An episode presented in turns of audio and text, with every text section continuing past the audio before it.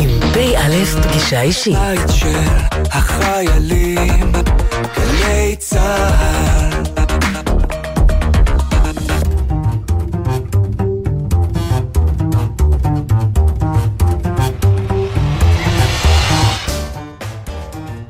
שלום לכם, שבוע טוב לכם. פא, פגישה אישית משולשת בסופו של שבוע אימה ואיומים, מלחמת אחים, מלחמת אזרחים, שיח חרשים, מחנות ושבטים, מדינת ראווה, מדינת גאווה, מדינת להבה, מדינת הלכה, הלכה המדינה, ואף על פי כן. פא, פגישה אישית משולשת על סיפו של שבוע כשבחוץ חורף ומחאה, דאגה ואיבה והרחובות נמלאו רעש מהומה, שקט הוא רפש. ליום אשר כזה יאות מילותיו של יהודה עמיחי בשירו אהבת הארץ.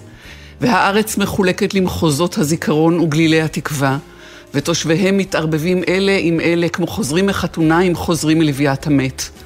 והארץ לא מחולקת לשטחי מלחמה ולשטחי שלום, ומי שחופר גומה נגד פגזים, ישוב וישכב בה עם נערתו, אם יחיה לשלום. והארץ יפה, אפילו אויבים מסביב מקשטים אותה בנשק מבריק בשמש כמחרוזת על צוואר. והארץ ארץ חבילה, והיא קשורה היטב הכל בה, והיא קשורה חזק, והחוטים לפעמים מכאיבים.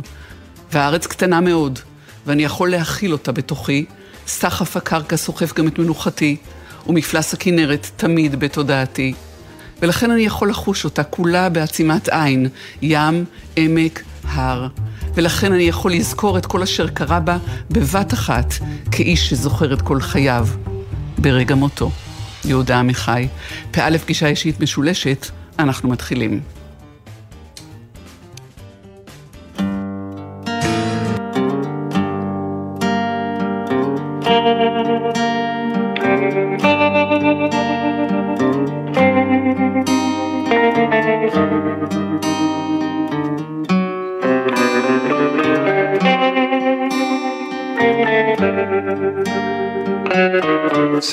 תמר ואור ירח ומנגינת כינור תקסים את הלב. עולה הצליל רועד בוקע ממיתרים נשפך כאב. נגן כינור נגן שיריך מרב החושך והשקט סביב מנגינותיך ישכיחו את סבלי. נגן, נגן, לכל צליליך מה נעים הוא החלום. נגן, נגן,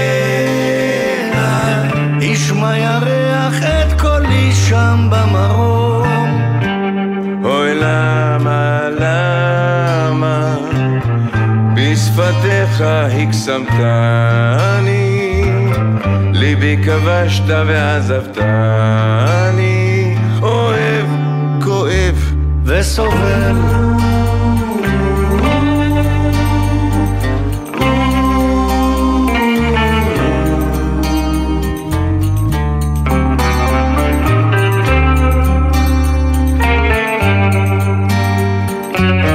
נדם כינור נחבא ירח,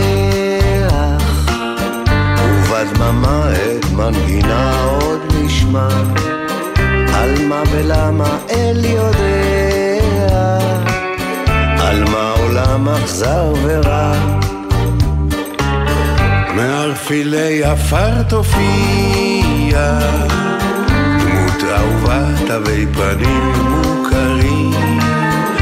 כינור ישמיע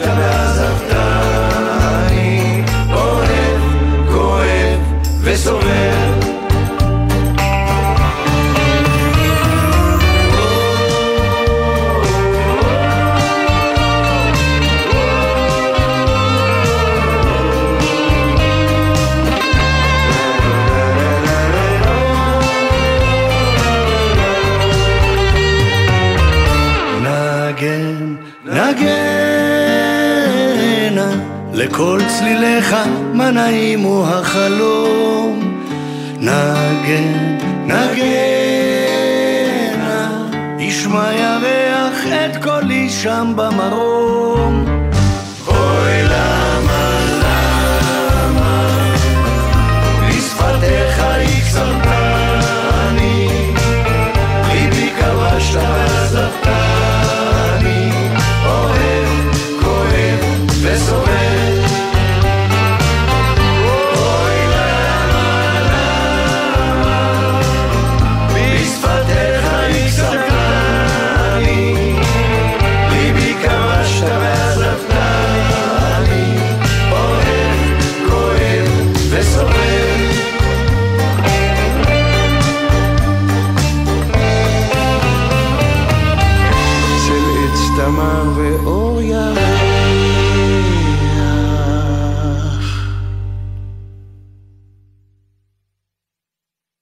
המשטרה חסמה את המעברים להולכי רגל לכיוון היכל התרבות והבימה, אין מקום, כך מדווחים אה, מן השטח, גם אבן גבירול בקטע משאול המלך עמוס בהולכי רגל עם שלטים ודגלים.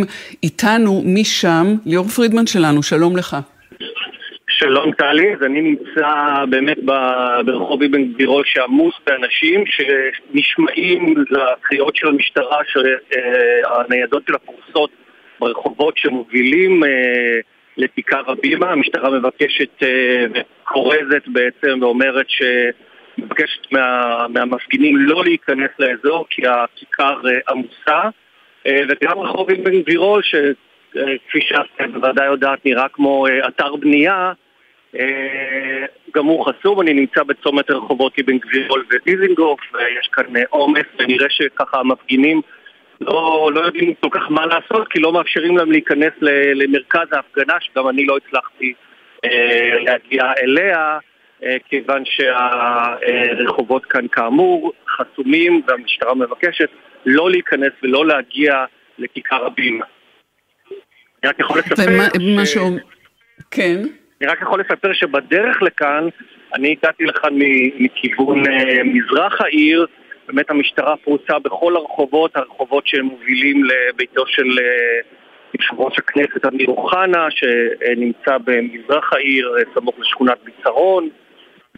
המשטרה ככה מלווה את, את אה, כל תנועת המפגינים שזורמים לכיוון הבימה, והנה אני כבר רואה שיש, אני נמצא כאן כאמור בפינת הרחובות אבן גבירול ודיזינגוף, אני רואה שיש כאן איזושהי תהלוכה שמלווה באופנועי משטרה שמתקדמת, אני לא יודע, לכיוון צפון, אני לא יודע לאן פניהם, האם למוזיאון תל אביב, אה, כמו שהיה בשבוע שעבר, או למקומות אחרים, או למזרח העיר, זה המצב כרגע אה, במרכז תל אביב.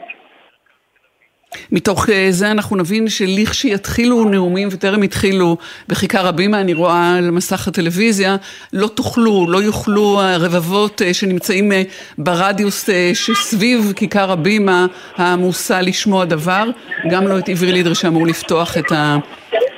את המפגש הזה, את, את, את המחאה הזאת, את ההפגנה הזו, את העצרת הזו בשיר, בשיר שלו. אני ידעתי לאהוב, אתה טוב בזה. סליחה? אה, השיר של עברי לידר, ברח לי שמו כרגע. אה, בכל מקרה, אה, אנחנו... זכיתי לאהוב, בדיוק. אולי אתם יכולים לשמוע כבר את המקיפים, כאן שני אופנועי משטרה ניצבים כאן בתחילת התהלוכה, וכנראה שחלק מה... מפגינים עצרו אה, את הכיכר אה, ויפנו את הכיכר, גם הם לא ישמעו את הנאומים, ופניהם, לא יודע, אולי נלך אחריהם ונוכל לדווח לכם בהמשך.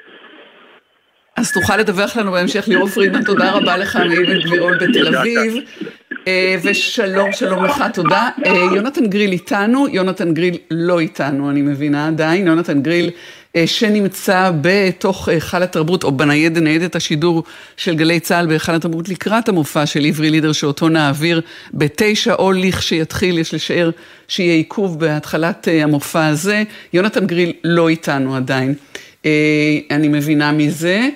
אה, ואם ככה, אנחנו אל, אה, לתוכנית שלנו, באלף פגישה אישית משולשת, נחזור אה, למתרחש בכיכר הבימה.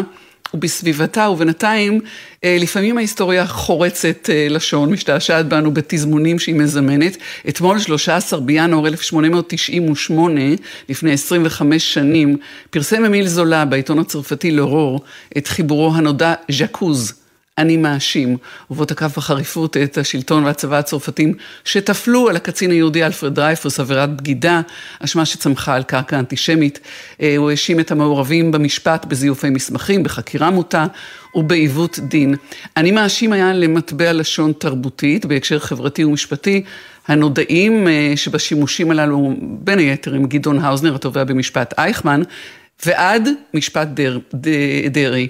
אה, על המשמעויות הטעונות בתיבה אני מאשים, העידודים ההיסטוריים, השימוש בזיכרון הקולקטיבי להסתמכות על סנטימנטים של רדיפה והשפעה על הישראליות, כפי שאנחנו חווים אותה ממש בימים אלה בעוד אנחנו מדברים.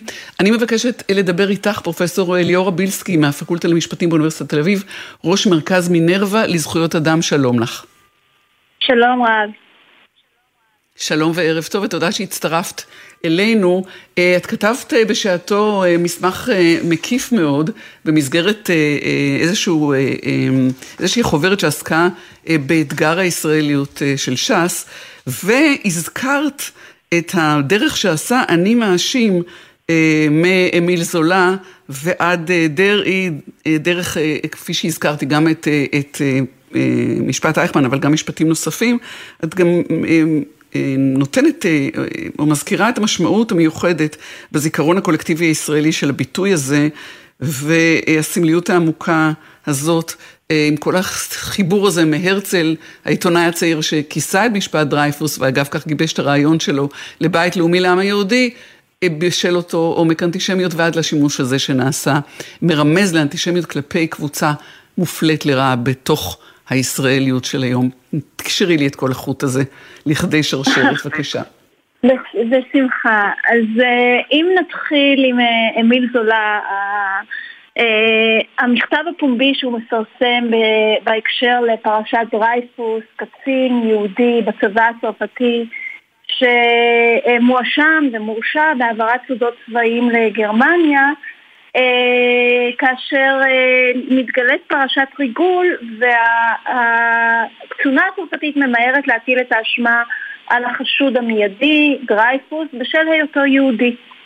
אה, והמשפט מתנהל בדלתיים סגורות, והראיות חסויות, ובסופו של דבר אמיל זולה בצעד חסר תקדים, סופר, אולי הסופר הנודע ביותר בצרפת באותו זמן, לא יהודי, יוצא להגן באופן פומבי על אה, הקצין היהודי ש, אה, שמופסק ומאשים במכתב את הממשלה הצרפתית, את שלטונות הצבא, באנטישמיות חוקית כנגד אותו קצין אה, יהודי. לא רק זה, הוא יודע שכאשר הוא אה, מעלה את הטענות האלה, הוא חושף את עצמו למשפט דיבה פלילי בשל אה, אה, הדיבה שהוא מוציא על הצבא ועל הממשלה והוא קורא להם להעמיד אותו למשפט כי המחשבה שלו מאחורי זה היא שכך תצא האמת לאור כי סוף סוף יהיה משפט בדלתיים פתוחות והראיות יתגלו. בסופו של דבר לא כך נעשה והוא נאלץ לברוח לאנגליה אבל uh, המכתב הזה, ההתערבות של איש הרוח כנגד הכוח הפוליטי והצבאי אה, מהדהדת בהיסטוריה, ובאותו הקשר באמת העיתונאי אה, הצעיר אה, הרצל מגיע לסקר את המשפט והוא מגיע למסקנה שאותה אנטישמיות חוקית כנגד היהודים אין לה פתרון אלא בהקמת בית יהודי, מדינה אה, ליהודים, ששם הם לא יסבלו מאנטישמיות. אה, חולפים השנים, מוקמת המדינה, חולפות השנים מוקמת המדינה, ובמשפט אייכמן ב-1961, גדעון האוזנר, התובע, אה, במשפט, משתמש באותו ביטוי, אני מאשים, אבל הפעם הוא עושה את זה מתוך בית המשפט, כן? לא כאיש רוח חיצוני, אבל אותו ההקשר הוא של קורבן מושתק. שצריך סנגור, כן? צריך שמישהו ידבר בשמו כדי... מישהו שידבר בשמו. נכון. כן. וגם, וגם כאן, וגם כאן... סליחה, אני, כן? אני, אני גם אזכיר כאן, פרופסור בילסקי, שזה גם אה, מוסיף את הנופח התיאטרלי אה, של, ש, שגם מתלווה לשימושים הנוספים באני מאשים עד כדי אה, משפט דרעי וגם הקלטת אה, שיוצאת אז ב-1999. כן. זה, זה כבר, זה מעבר ל... לאמירה שעולה מתוך קריאת נניח כתב, כתב אישום. זה, זה, זה כבר אמירה בפני עצמה. אז אה, כן, אני רק אחבר את האירוניה אה, בקשר למשפט אה, אייכמן, הרעיון היה שסוף סוף כשיש מדינה יש גם בתי משפט והם יוכלו לדבר כנגד האנטישמיות, למעשה מעמידים את אייכמן למשפט על האנטישמיות ולא רק על מעשיו שלו, ובדיוק באותו רגע המבקרת הציבורית, אשת הרוח והפילוסופית חנה ארנדט מתערבת ואומרת, רגע, כן. משפט mm-hmm. אייכמן עצמו הוא משפט ראווה, מכיוון שהוא אה, עוסק באנטישמיות ולא במעשים הקונקרטיים של אייכמן, אה, היא רוצה לדבר על הבנאליות של הרוע, ועוד האוזנר רוצה לדבר על אה, אה, האנטישמיות ולתת קול לקורבנות באשר הם גם אלה שלא הכירו ולא ראו כעדי ראייה את אייכמן, יש לנו שם תחרות סיפורים סביב המשפט הזה. אה, אבל אה, מה שחשוב הוא שאייכמן הנאשם מסמל מעבר מדרייפוס, שהוא היה היחיד שהופך להיות, אה, שמואשם אה, בשל האנטישמיות, בשל היותו יהודי, למשטר שלם, אה, המשטר הנאצי, שמוציא את כל היהודים מחוץ לחוק ומעמיד אותם לדין, או בעצם רודף אותם ללא משפט, אך ורק בשל זהותם, בשל יהדותם. ו, אה, ואנחנו ולכן... אה, משם, אנחנו מדלגים אל, אה, אל דרעי, אבל דרעי. אנחנו אומרים בדרך שהיו עוד שימושים. היו עוד שימושים באני מאשים למכביר, גם במשפט גרינוולד, ואחר כך קס, קס, קסטנר, גם יש לו את האני מאשים שלו, זאת אומרת... השימוש הזה הופך להיות, לא אגיד מטבע עובר לסוחר, אבל הוא, הוא מקבל כבר את ה... אה, הוא זה שמשתמשים בו במתח שבין הפלילי לבין הפוליטי, בין היחיד אה, שהוא עבריין לבין הקבוצה שלכאורה עומדת כאן אה, למשפט. הופך את נכון. זה באיזשהו אופן דרעי, כשהוא משתמש באותו מטבע עצמו. עם אותם הדהודים וזיכרון, מה שאני קוראת גנטי או קולקטיבי של, של, של כולנו. נכון, מה שמעניין בקלטת שמוציא אריה דרעי אה, בזמן משפטו הראשון, כן, אנחנו לא מדברים על המשפט עכשיו, הוא מוציא קלטת שעליה אה, אה, מתנוססות המילים אני מאשים. והוא יוצא כנגד מערכת המשפט שמאשימה אותו לשווא אישום פוליטי בשחיתות, אך ורק בשל היותו מנהיג פוליטי, חרדי, אה, ומה שמעניין, הוא מנסה לומר שדווקא במדינת ישראל, שנועדה לפתור אחת ולתמיד את האנטישמיות, דווקא כאן יהודים, חרדים, מזרחים, ספרדים, אה, אה, אה, סובלים מאנטישמיות, ולא סתם אנטישמיות, אלא אנטישמיות משפטית, אנטישמיות חוקית, המערכת... האם הוא אומר אנטישמיות? האם הוא משתמש במונח, או שעצם ההדהוד הזה הוא שמרמז, והוא במובלע, אה, במשתמע, אה, אשמה, האשמה באנטישמיות? תראי, הוא יוצר קו, זה במובלע, מכיוון שהוא כותב אני מאשים, והוא מקשר את זה למשפט אייכמן, למשפט דניאניוק, הוא מקשר את זה לכל השאלה.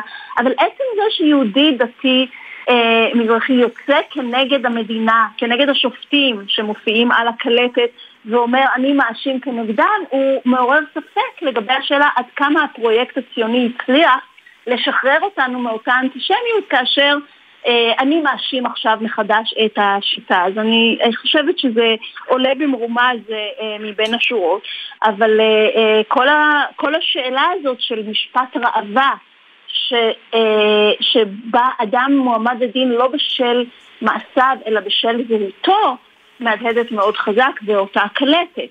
צריך גם לשים לב שמשפט ראווה מבוסס על הרעיון שזה לא משפט שבו אה, התוצאה לא ידועה וכרוכה אה, בהוכחה מעל, לספק, מעל לכל ספק סביר, אלא מדובר במשפט שהוא בעצם שואו, שהוא בעצם משחק, הצגה.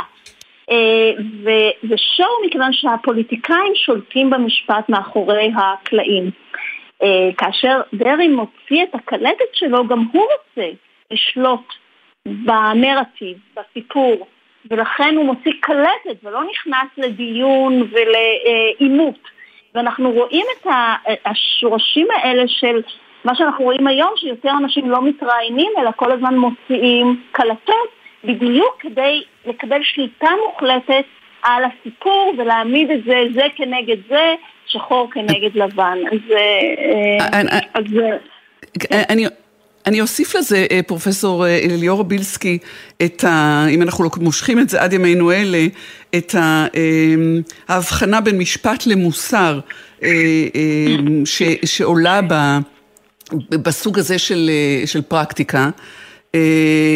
ומהו שפיט ומהו בתחום המוסר, משם אנחנו יכולים בקלות להגיע גם לסבירות כמובן, ולכל הדברים האחרים שהם כבר מערערים כרגע את, את המוסכמות המשפטיות במידה כזאת או אחרת, האם אני אומרת דבר נכון?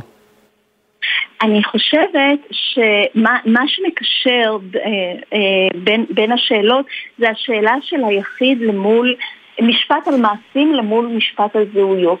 כאשר הרעיון מאחורי משפט דרייפוס, אי הצדק, אי המוסר נובע מכך שרק בשל היותו יהודי הוא הופך להיות לחשוד, הוא המואשם והוא המורשע. Uh, ובהמשך uh, אנחנו כל הזמן מסתכלים על השאלה האם המשפט יודע להסתכל מעבר לזהות הקבוצתית אה, ולהסתכל על המעשים של האדם. דרעי באותה קלטת ידועה אמר לא, אתם מסתכלים עליי מתוך הזהות הקבוצתית שלי ולכן אתם עושים לי דמוניזציה והמשפט לא עוסק רק בי אלא בכל הקבוצה שלי שנאשמת יחד איתי. אז השאלה היא האם בית המשפט ישכיל להפריד בין הנאשם לבין קבוצתו היא השאלה ש, ש, שעומדת בבסיס השאלה האם יעשה כאן משפט צדק. ובית המשפט, אה. בפרשת דרעי ראשונה, הקפיד לומר, אנחנו לא עוסקים בקבוצה שלך, לא כולם עומדים לדין יחד איתך, אלא אתה נאשם יחיד. אבל כאשר מסתכלים גם על הרטוריקה של פסק הדין וגם על הרטוריקה של הקלטת, רואים שלמעשה שני הצדדים עוסקים בדמוניזציה ומייחסים אי מוסריות לצד השני ואת האמת לעצמם. אז יש כאן uh, שיח חרשים. שיח חרשים שנראה נמשך אה, עד עצם היום הזה. אה, לפני פרידה, אני רק אוסיף שבאותו שעשוע של, של ההיסטוריה, ממש היום, אה, לא, גם אתמול, לדעתי, ב-13 בינואר, כן, ב-13 בינואר 53, זאת אומרת, אתמול לפני 70 שנה, אה, אה, מעמידים לדין את הרופאים בברית המועצות. משפט ראווה, רדיפה פוליטית, משפט הרופאים בברית המועצות, אתמול 70 שנה. הנה עוד, עוד אחת מן הדוגמאות על השרשרת הזאת. אני רוצה רק להגיד, אם, אם יורשה לי או שנגמר אה, כן, נגמר הזמן. אה, נגמר אני, הזמן, אבל אני לא מוותרת עלייך, כן. אז אני, אני אגיד רק שחשוב אה, להבחין בין משפטי הראווה של סטלין, הם משפטים ש... השליטה המוחלטת אה, היא בידי השלטון, זה לא באמת משפט. אבל בתיאוריה המשפטית הרחיבו את ההבחנה בין משפט ראווה כזה לבין משפט פוליטי באופן יותר רחב. והבעיה היא שבגישה ליברלית נוקשה, אה, משפט וראווה או משפט ופוליטיקה הם דבר והיפוכו. בעוד שהתיאוריה מראה שדווקא התמודדות עם הצדדים הפוליטיים של המשפט, שזה עומד במרכז הביקורת והמחלוקת הציבורית היום בישראל, אה, המשפט לא יכול להשתחרר מהצדדים הפוליטיים שלו, והשאלה הנכונה היא לא השאלה האם משפט או פוליטיקה, אלא להתווכח על מהי פוליטיקה ראויה של בית משפט, איזה ערכים בית משפט צריך ויכול לקדם, ואיך נכנסים האלמנטים הייצוגיים או הקבוצתיים לתוך מערכת המשפט, אם זה על ידי שופטים ואם זה על ידי אה, אה, אה, של קבוצות שונות. אז אני רוצה לנסות לה, אה, לומר שהבעיה שלנו שאנחנו עדיין אה, שבויים באותה בינאריות נוקשה שאו שזה ראווה או שזה לגמרי צדק. אבל בין הראווה לבין צדק יש כמה דרגות ושם נעשה האיזון היותר מעניין בין משפט ופוליטיקה ואני חושבת שהיום המחלוקות וההפגנות הם על איפה יעבור הגבול, ועד שלא נדע לדבר על פוליטיקה ראויה ופוליטיקה לא ראויה של המשפט, אנחנו נהיה תקועים באותו שיח חרשים. איזו דרך אה, לסיים אה, שיחה כה מעניינת וחשובה. פרופסור ליאורה בילסקי, הפקולטה למשפטים באוניברסיטת תל אביב, ראש אה, מרכז מינרווה לזכויות אדם, תודה שדיברת איתנו, שלום לך. תודה רבה לך, נהניתי. שלום. וכרגע כבר 50 אלף, כך מדווחים מעל המסכים, 50 אלף לפחות, ברחובות תל אביב. יובל שגב כתבנו נמצא שם בשטח, סוף סוף זכית לקצת קליטה סלולרית, דבר אלינו יובל. כן, כן, גם היעדר הקליטה פה אה, מעידה על הכמות הגדולה של המפגינים אה, גם בתוך באמת הרחבה של הבימה, אבל בעיקר, בעיקר רחובות מסביב. היינו צריכים ללכת הרבה זמן על רוטשילד כדי להצליח להשיג אה, קצת שטח פנוי וקצת, כמו שאמרת, קליטה. ובעקבות הצפיפות הזאת, גם המשטרה כרגע ראינו פורזת פה למפגינים להימנע מלהתקרב לקרבת הבמה, אומרים שיש שם דוחק משמעותי עקב כמות המשתתפים ועקב הצפיפות שנוצרת כאן בעקבות כך, אבל כרגע על הבמה למרות הגשם, למרות הקשיים האלה, אה, ההפגנה נמשכת, גם סדר הנואמים, השופטת אה, בדימוס, שופטת בית המשפט בדימוס, סעלה פרוקט, שבדיוק סיימה את הנאום שלה, שכמובן זכה לתשורות מקרב המפגינים, גם השיר, ההופעה הקצרה של איב גרידר כאן הייתה בתחילת המופע הזה, למרות הקשיים הטכניים שהקשו קצת על תחילת ההפקה, נקרא לזה, המסודרת של ההפגנה הזאת.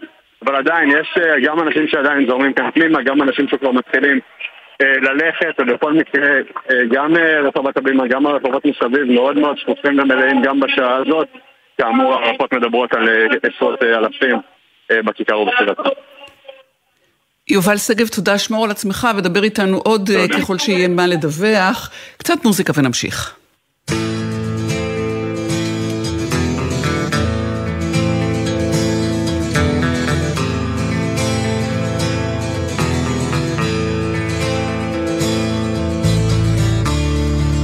החיים ילדתי זה סיפור רציני. לפעמים אני מת מפחד. מהצל של עצמי מכל מה שסביבי. יש לפעמים רגעים שנדמה. הנה האור בקצה ופתאום זה חושך וגם את כמו כולם שאיבדו את דרכם. תחפשי איזה אור בחושך. תתבגרי, תשתני, הזדקני ותראי, יש לפעמים רגעים שנדמה, הנה האור בקצה, מפרפר בחושך. שהדלקנו בלילה. לא יגרשו את החושך הקר הזה כל הרוחות שנשבו כל הלילה. לא יכבו את האור בקצה. לא יכבו את האור שעולה בבוקר תחפשי, תשאלי, וגם את תגלי. התשובה עוד נישאת ברוח. יש כתובות על הקיר בכיכר של העיר, יש לפעמים רגעים שנדמה, הנה האור בקצה, מהבהר בחושך. שהדלקנו בלילה, לא יגרשו את החושך הקר הזה. כל הרוחות שנשבו כל הלילה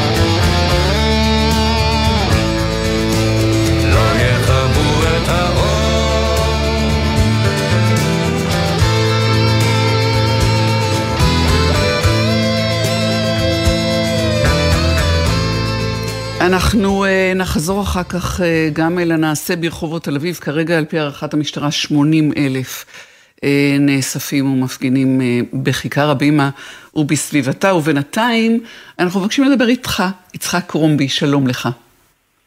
שלום שלום, שבוע טוב, ערב טוב. שלום וברכה. אני אומרת יצחק, למרות שאתה נקרא איציק, אז קצת אולי אה, לא מספיק פורמלי לקרוא לך איציק, אבל ככה אתה בעצם... יוסף יצחק, יוסף יצחק השם המלא. יוסף יצחק, אה, השם יצחק הקודם של. חב"ד. כן. אוקיי. אתה יזם ואיש הייטק כן, חרדי. אתה פעיל. איציק. אז איציק, אתה, איציק קרומבי, אתה יזם ואיש הייטק חרדי, אתה פעיל לשילוב חרדים בשוק התעסוקה, ואתה מחבר הספר כשהחרדים יהיו רוב. אה, זה ספר שיצא באחרונה, אני ראיתי שאתה גם אה, מתבטא באופן אה, מובהק ואומר, כור ההיתוך מת. וכשאתה אומר כור ההיתוך מת בשעה שאתה מדבר על שינוי דמוגרפי משמעותי, למה אתה מתכוון?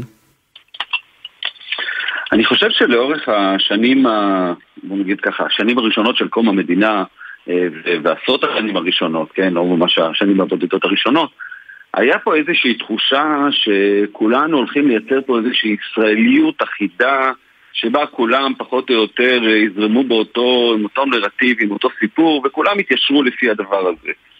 ואנחנו רואים אחרי אה, ככה 70-75 שנים, זה לא הולך לשם.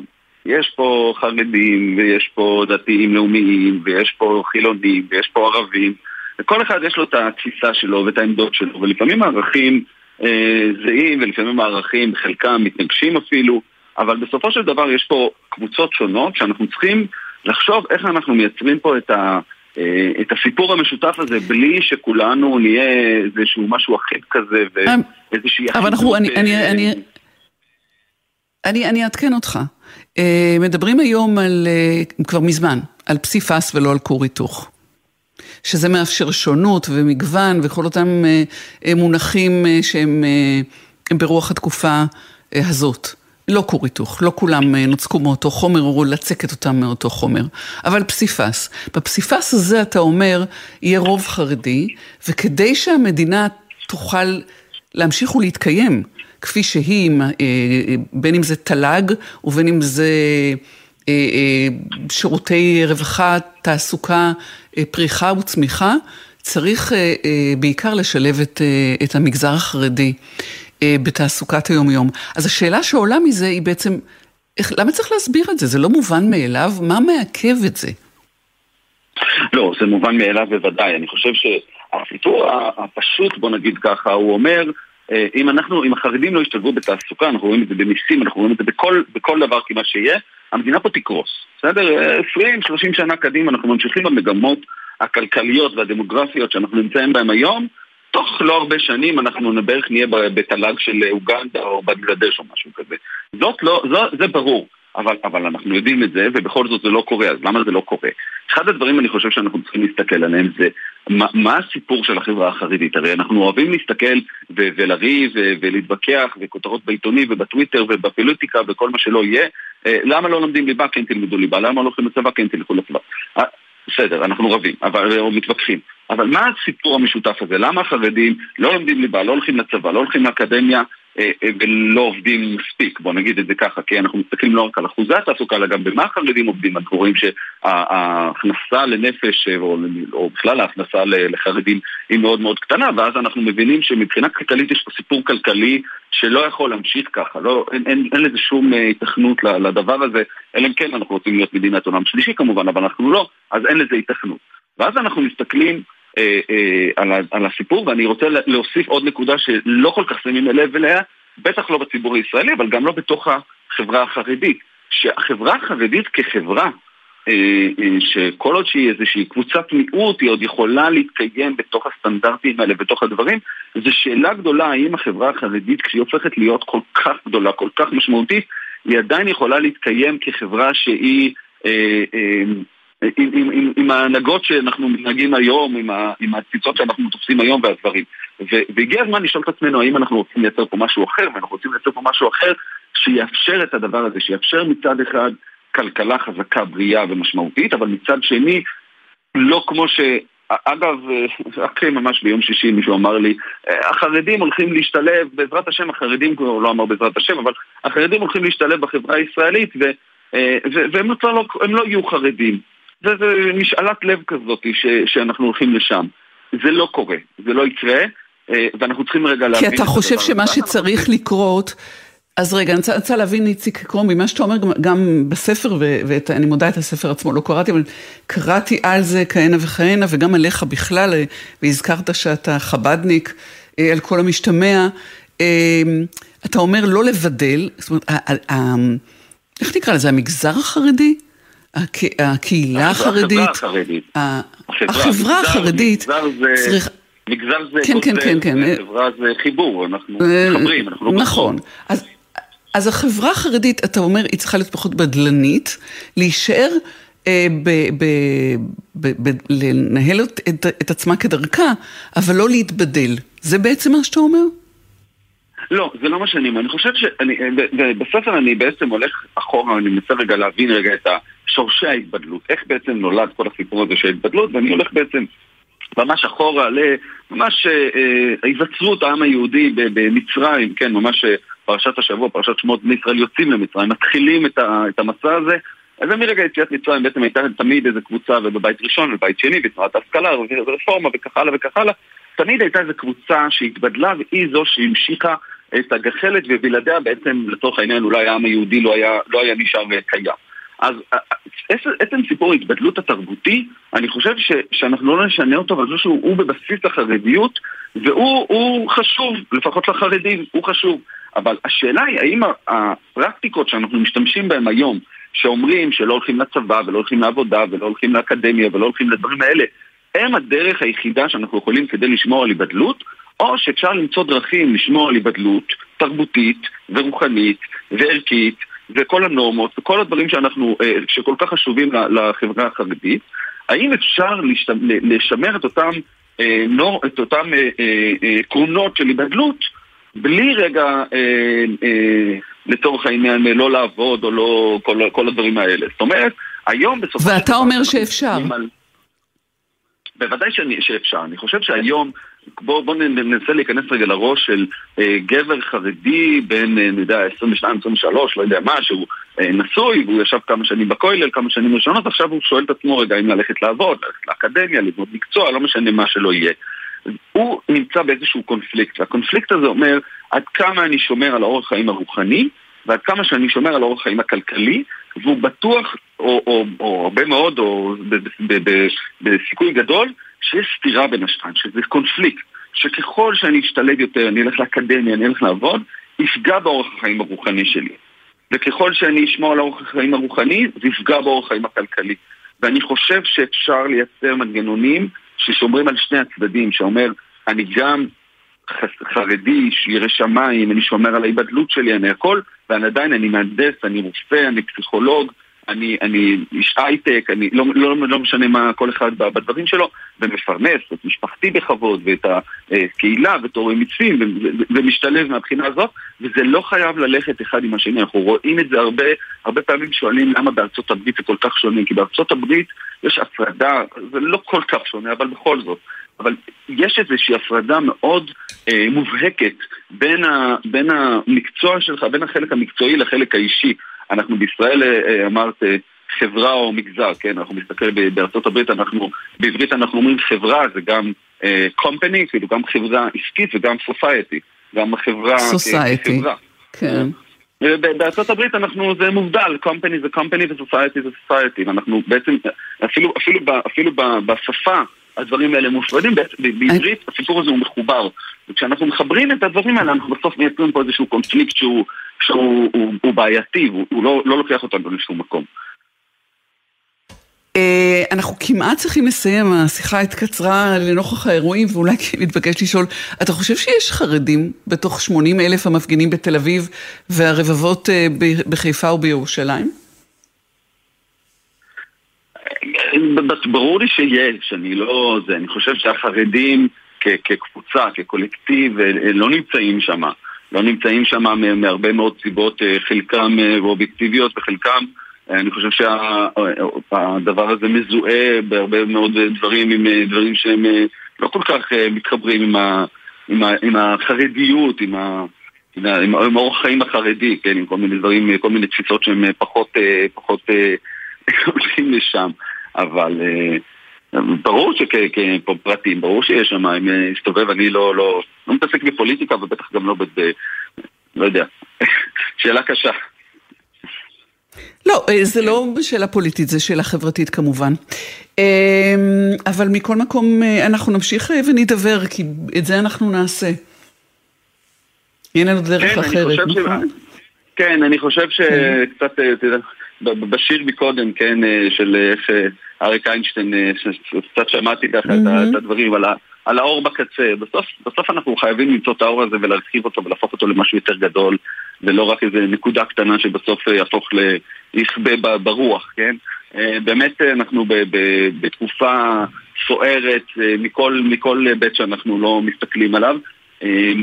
והסיפור הזה, אבל הסיפור הזה של החברה החרדית, אני חושב שהוא אה, הוא באמת לב הסיפור, אנחנו לא כל כך עוסקים בזה, אוהבים הרבה לעסוק כן. בוויכוחים הפוליטיים ובכל הדברים האלה, אבל בואו בוא נסתכל רגע על המהות, בואו רגע ננסה שנייה להתעמק.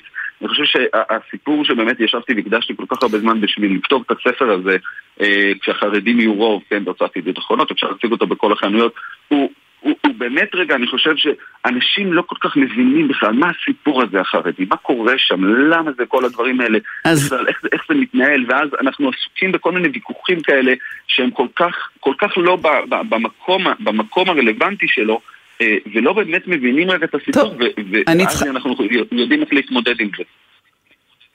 אז אה, אה, ויכוח זה חלק מהתרבות היהודית, אנחנו נמשיך להתווכח, אה, לא תמיד להסכים, אבל לחיות ביחד. כן, איציק קרומבי, יזם ואיש הייטק חרדי. בזה תודה. אנחנו טובים. כן, תודה לך שדיברת איתנו, שלום לך. ואנחנו ממהרים אליך, יונתן גריל, בהיכל התרבות, שלום לך. שלום טלי, ערב טוב. ערב כן, טוב, אני... אתה בתוך ניידת השידור שלנו, אני מניחה, אנחנו, ולא... אנחנו כרגע... ב... לא, אנחנו כרגע כבר בתוך היכל התרבות אה, שריק מאדם. בשעה הזו המופע אמור, אה, המופע של עברי לידר שאנחנו uh, מעבירים פה בשידור ישיר בגלי צה"ל בשעה תשע כחלק מסיבוב ההופעות שלו לציון 25 שנות קריירה. המופע היה אמור להתחיל בשעה תשע, כך גם אמרו המארגנים לפני תחילת ההפגנה, אבל כרגע הדלתות עדיין נעולות, האולם ריק מאדם, אז ככל הנראה המופע עצמו יתחיל באיחור, אנחנו עוד לא יודעים באיזה איחור מדובר, אבל אבל אפשר uh, להעריך שזה יהיה איחור uh, לא קצר, כי הקהל עדיין לא נכנס uh, לאולם.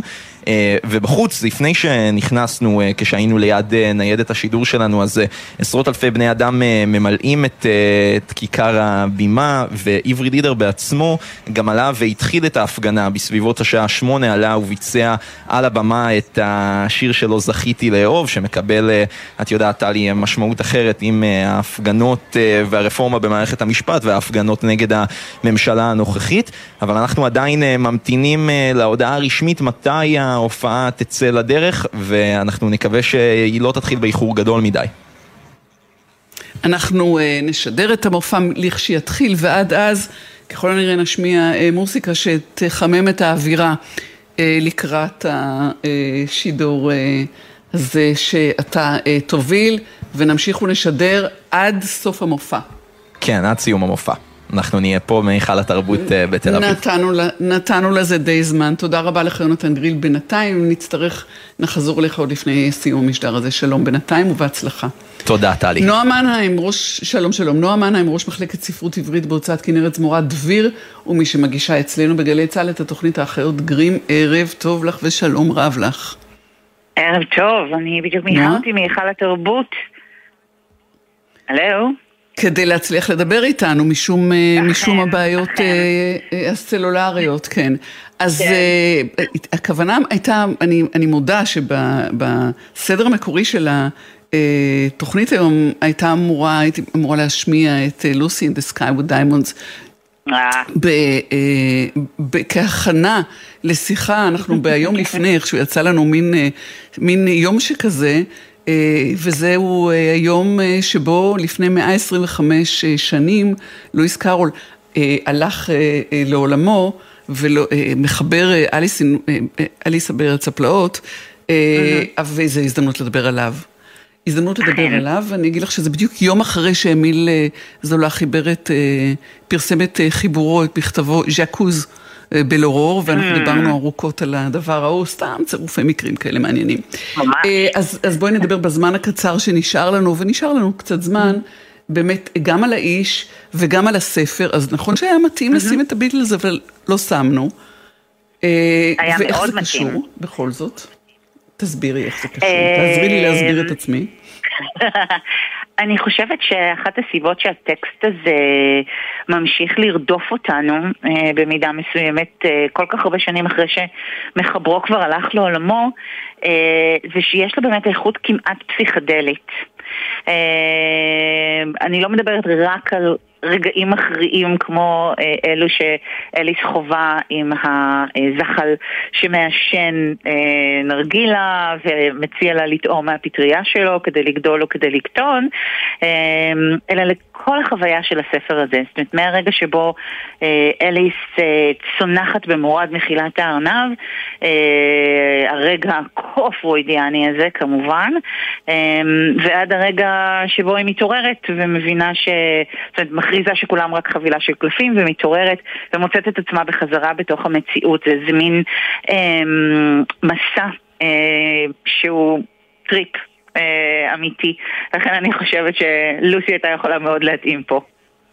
אז זהו, אני בשבתי כעורכת מוסיקלית, אבל מכיוון שזה לא יצא, אז mm-hmm. יש בעיה כשאנחנו באים, באות לדבר על, על לואיס קארול, שזה כמובן לא שמו אלא צ'ארלס לודוויג דודג'סון, שהוא מרצה mm-hmm. למתמטיקה בקרייסט צ'רץ' באוקספורד, ויש כל כך הרבה דברים שאפשר לשאול עליו, איכשהו גולשים אל ה...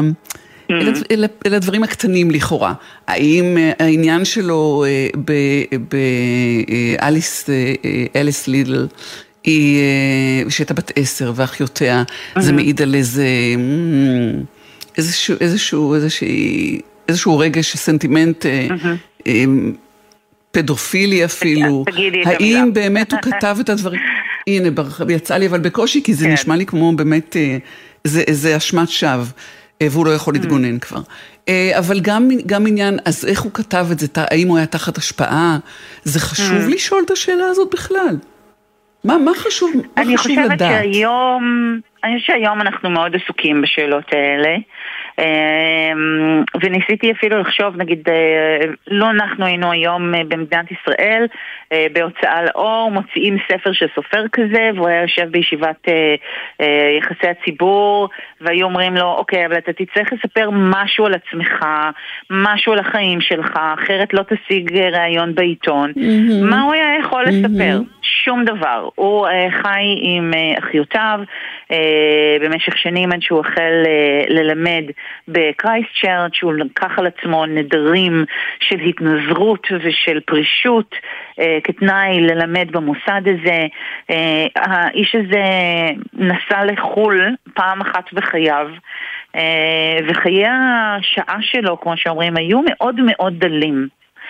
אבל מן העבר השני, היה לו אה, מעוף דמיון שאין לתארו. זאת אומרת, הניגוד המטורף הזה הוא אחד הדברים שהכי מסקרנים בעיניי, הכי מאתגרים גם להבין אותם, אה, כי זה באמת, אה, זה דמיון בטהרתו.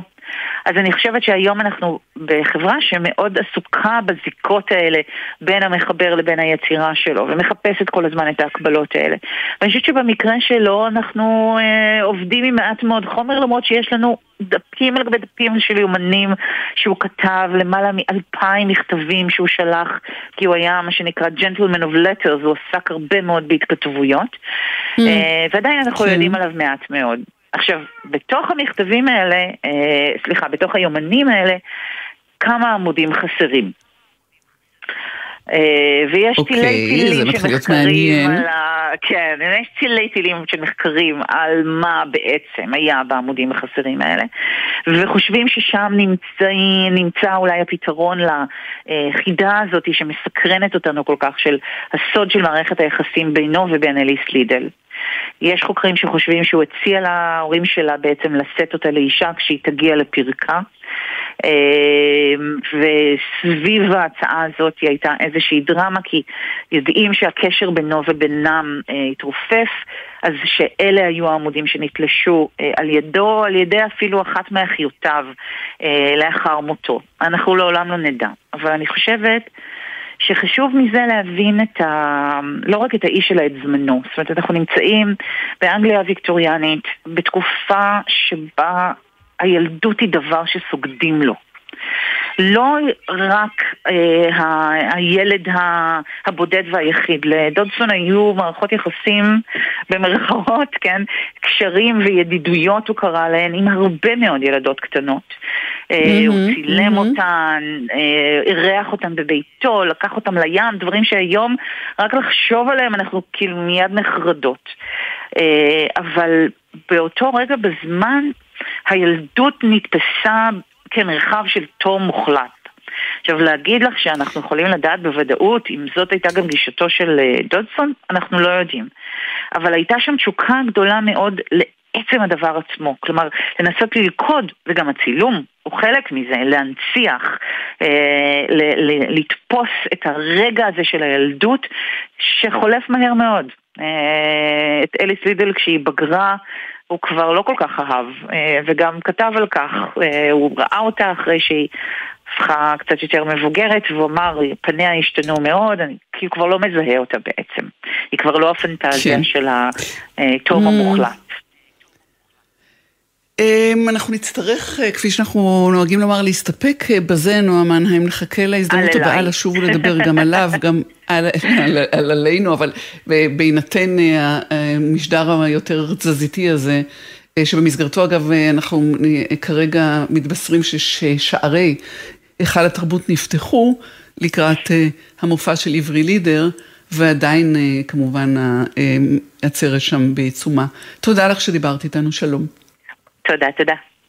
אין לי ארץ אחרת, גם אם אדמתי בוערת, רק מילה בעברית חודרת, אלוקיי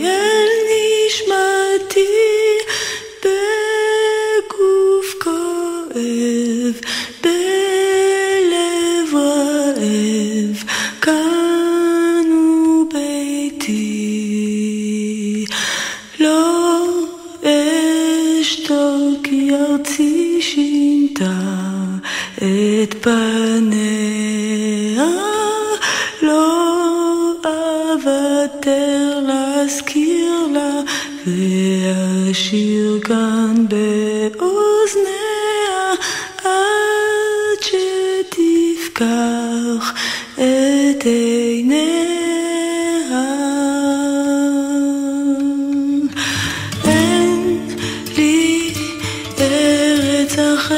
את המשדר הזה הפיק עומר נותקביץ', באולפן היה יואב מוסק, הטכנאי היה ליאור רונן, ובפיקוח אסף סיטון. אני טלי ליפקין שחק. שבוע טוב לכם כולכם. היו שלום.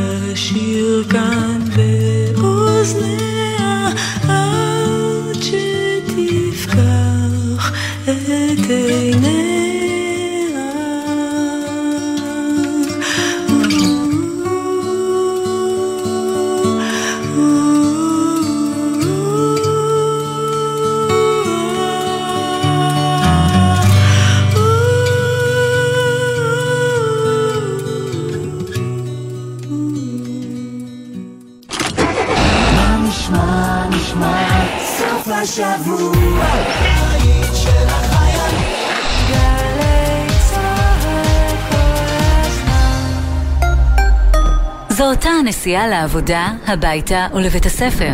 אבל בחורף זה לא אותו הכביש. נהגים. בחורף קשה יותר להבחין בהולכי הרגל ולהספיק לבלום בזמן, גם כשהדרך מוכרת. נוסעים לאט ונותנים זכות קדימה להולכי הרגל החוצים את הכביש או המתכוונים לחצות אותו. הרלב"ד, מחויבים לאנשים שבדרך.